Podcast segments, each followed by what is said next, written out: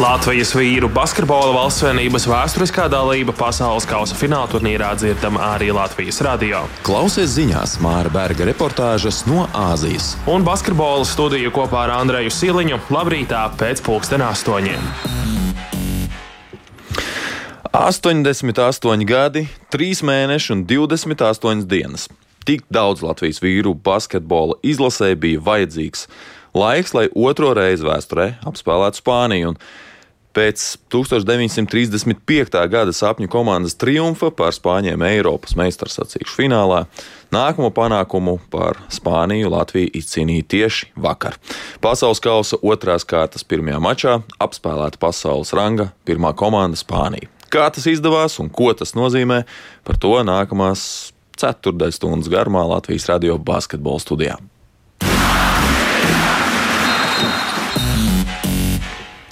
No vakar Latvija sāka pasaules kausa otro kārtu, un pirmajā spēlē pretī stājās pasaules un arī Eiropas aktuālā čempionu vienība Spānija.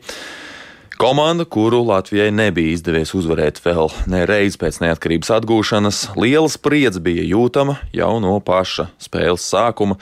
Bija saraustīts darbības, abas komandas bija labi izpētījušas viena otru.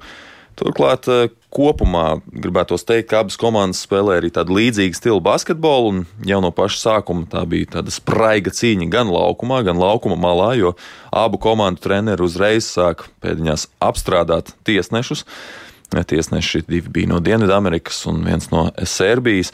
Abas komandas ātri sasniedz piezīmju normu, un treneris Banki aktīvi veica spēlētāju maiņas, ko, protams, arī veicināja gan šī piezīmju norma, gan arī gluži vienkārši spēles attīstība.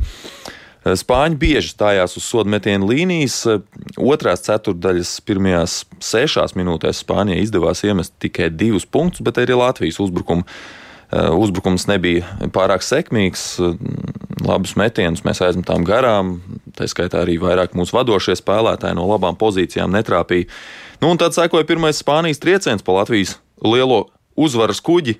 Juancho Hernandez Gomes, viens no Spānijas līderiem, iemeta pirmo Spānijas trejats mačā, un tas arī atraisīja rokas dienvidniekiem. Sekoja deviņi bezatbildes punkti. Viņiem izdevās pārņemt vadību, kamēr Latvijas uzbrukums bija apstājies, jo laukuma malā bija gan mūsu pamata saspēles vadītājs Artūrs Žagars.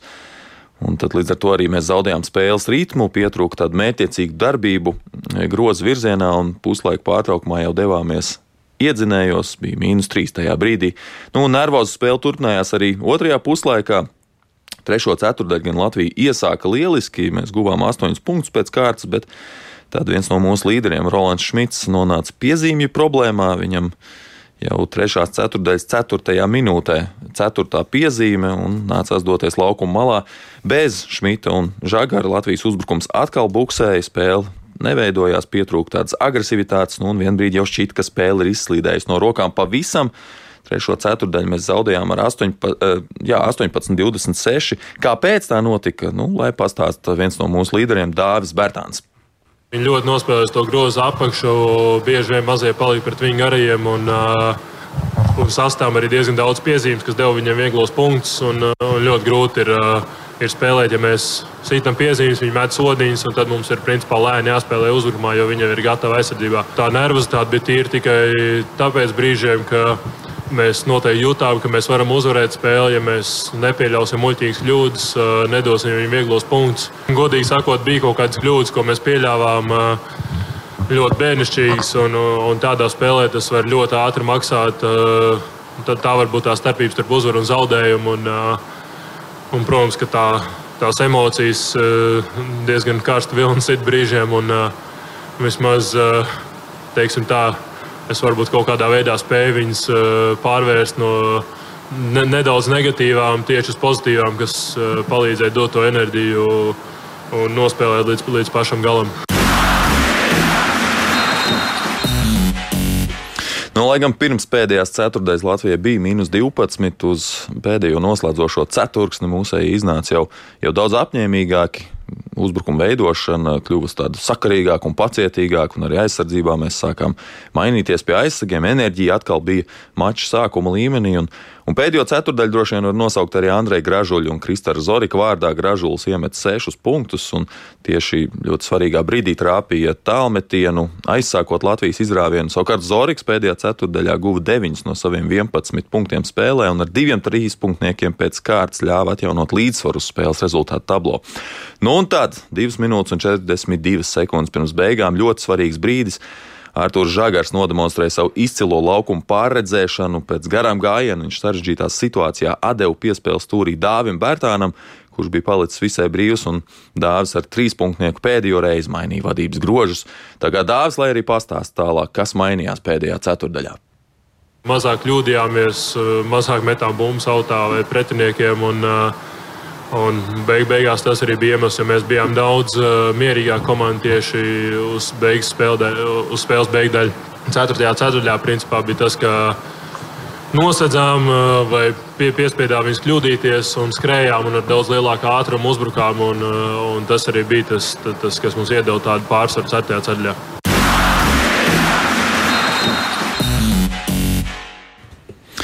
Un paturpinot dāvi, tad Latvija iegūto vadību vairs neatdeva 8 sekundes pirms beigām. Rodions Kuruts trāpīja divus sodametienus, lai gan iepriekšējā mēģinājumā bija iemetis tikai vienu no diviem, un kā izrādījās, viņam lieta noderēja arī kāda viņam ļoti tuva cilvēka savulaik mācītais.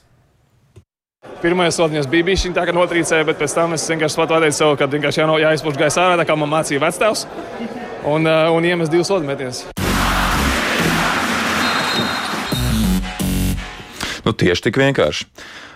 Par Rodionu Sodiņiem viss skaidrs. Latvija uzvar pasaules čempions un turpina cīņu par ceturdaļu finālu. Un klāt šajā vēsturiskajā spēlē atkal bija arī Latvijas radio korespondents Māris Bergs. Labrīt, Māri! Labrīt, Andrē, labrīt, klausītāji!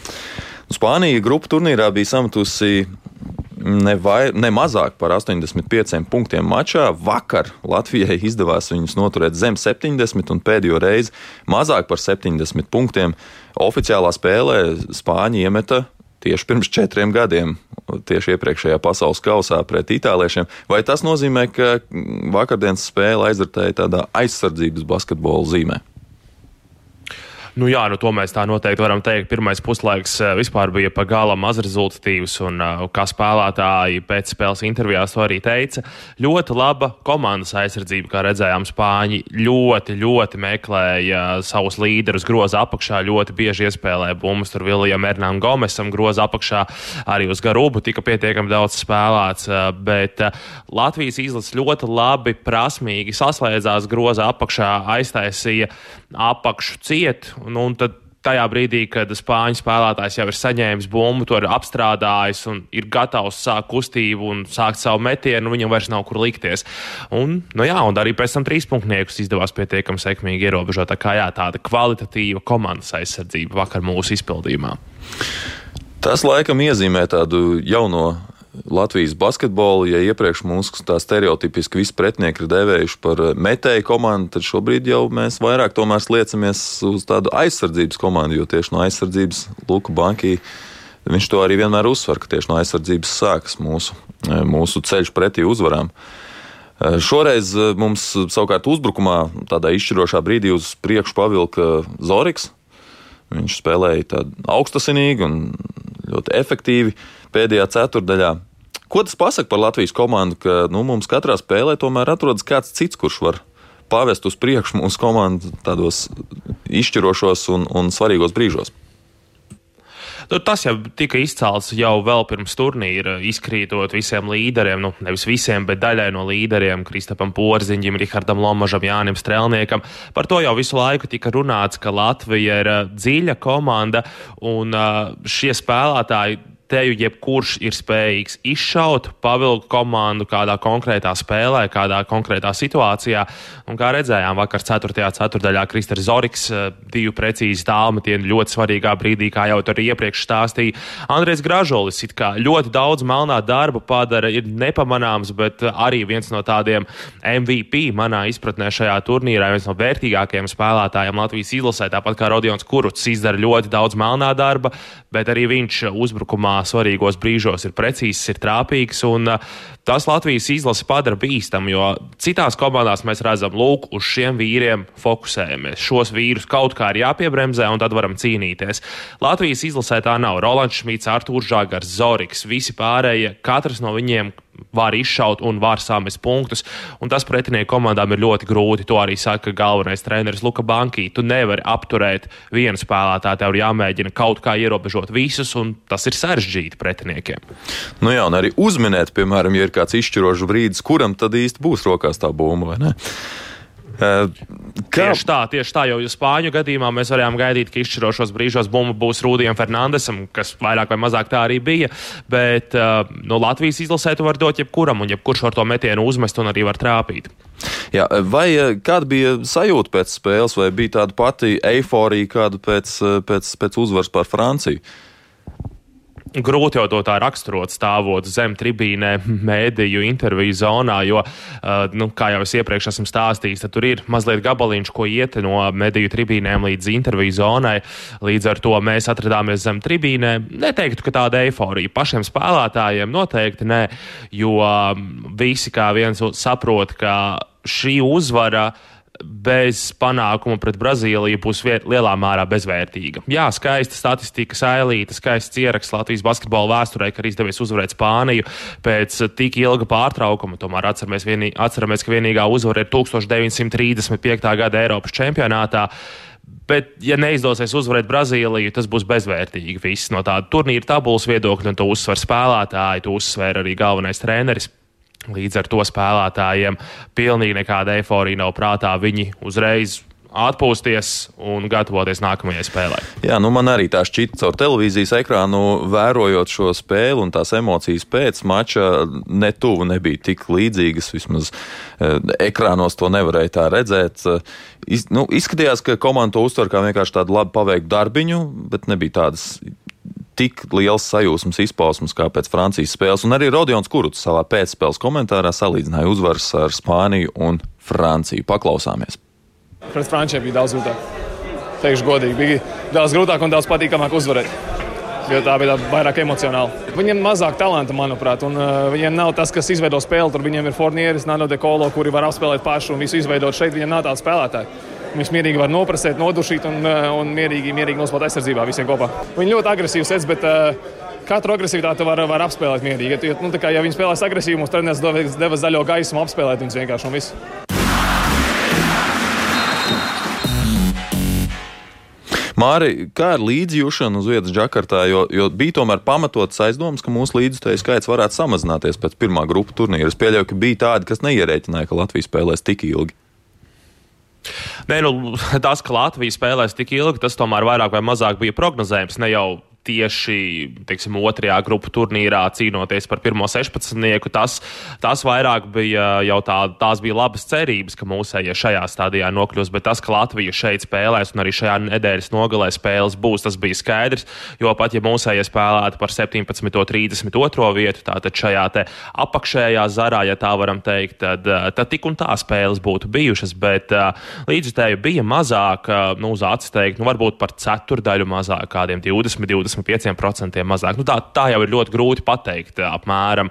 Bet ir cilvēki, jā, kas ir devušies mājās, tomēr Latvijā arī sākas skola, darbi cilvēkiem, un, un galu galā lidojumi nav lēti. Un, nu, lai arī dzīvošana šeit uz vietas ir diezgan lēta.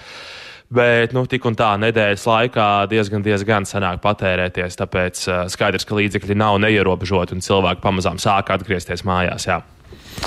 Nu, nav izslēgts, ka tie plāni varētu būt atkal jāpārēķina vai jāpārskata. Ja viens svētdien mūsu, komanda izdos, eh, mūsu komandai izdosies saglabā, eh, sagādāt tam labvēlīgus apstākļus, nu, un lai tas notiktu, tad izšķirošā spēle svētdien jau rītdien pret Brazīliju. Brazīlija sagādāja pārsteigumu vakar un, un, un pirmo reizi lika zaudēt arī Kanādai. Kā tas viņiem izdevās? Nu, es domāju, ka līdzjutēji plāni kardināli nemainīsies. Ir arī tāda lieta kā atvaļinājuma dienas galu galā, un nu, tu nevari vienkārši izdomāt vēl uz nedēļu pazus savā darbā, bet uh, tas tā. Um, Kas attiecas uz Brazīlijas spēli, Kanāda pati nospēlēja briesmīgu otro puslaiku. Tā ir viena lieta, kas ir jāsaka. Ļoti daudz neprecīzu metienu, arī labu metienu, bet Kanāda pati spēlēja slikti, taču no otras puses ir jādod uzslavas arī Brazīlijai, kas spēja turēties līdzi. Visu pirmo puslaiku arī viņi turējās līdzi. Visu laiku bija Kanādai, elpoja pakausī vai pat bija vadībā. Tad kanādiešiem sanāca izrāviens, viņi puslaika vidū izvirzījās jau tādā pārliecinošākā vadībā, tur jau plus 10 bija. Un likās, ka Kanādai tā spēle sāk aiziet, sāk krist metieni, sāk paši spēlēt labāk, un otrajā puslaikā nu viss nokārtos un atkal savi plus 25 kanādiešiem būs. Bet nu, Brazīļiem bija citi plāni. Un, um, Viņi pierādīja, ka arī ir pietiekami atletiska komanda. Tas, ko te visu laiku arī runā, ka jā, šajā četrotnē Brazīlija ir vājākā komanda. Brazīlija skaidri un gaiši pateica, zēni lēnāk pār tiltu, nekā tam līdzīga. Ar mums arī jums ir jārēķinās, un te nevienam nekāda pastaiga nebūs pret mums. Tā kā uzslavs viņiem par to, ka viņi ļoti sarežģīja dzīvi kanādiešiem. Ja, nu cerēsim, ka mūsu treneri atkal atradīs pretinieku vājās vietas, kā viņi to ir darījuši iepriekš, un, un spēlētāji savukārt būs gatavi tās izmantot. Lai lai šis viss mūsu piedzīvojums varētu turpināties vēl ilgāk. Paldies, Māris! Sazināmies atkal rīt!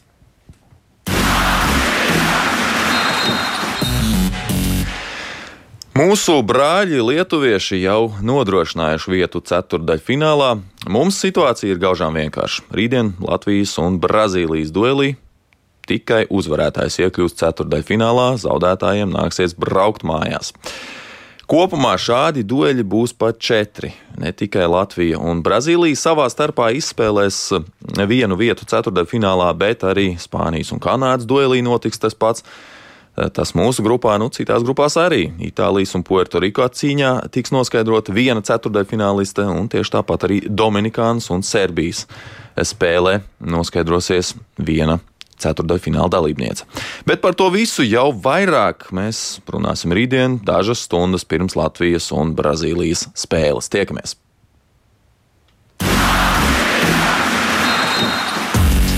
Latvijas vīru basketbola valstsvienības vēsturiskā dalība pasaules kausa fināla turnīrā dzirdama arī Latvijas radio. Klausies ziņās Māra Berga reportāžas no Āzijas. Un basketbola studiju kopā ar Andreju Siliņu labrītā pēc pulksten astoņiem.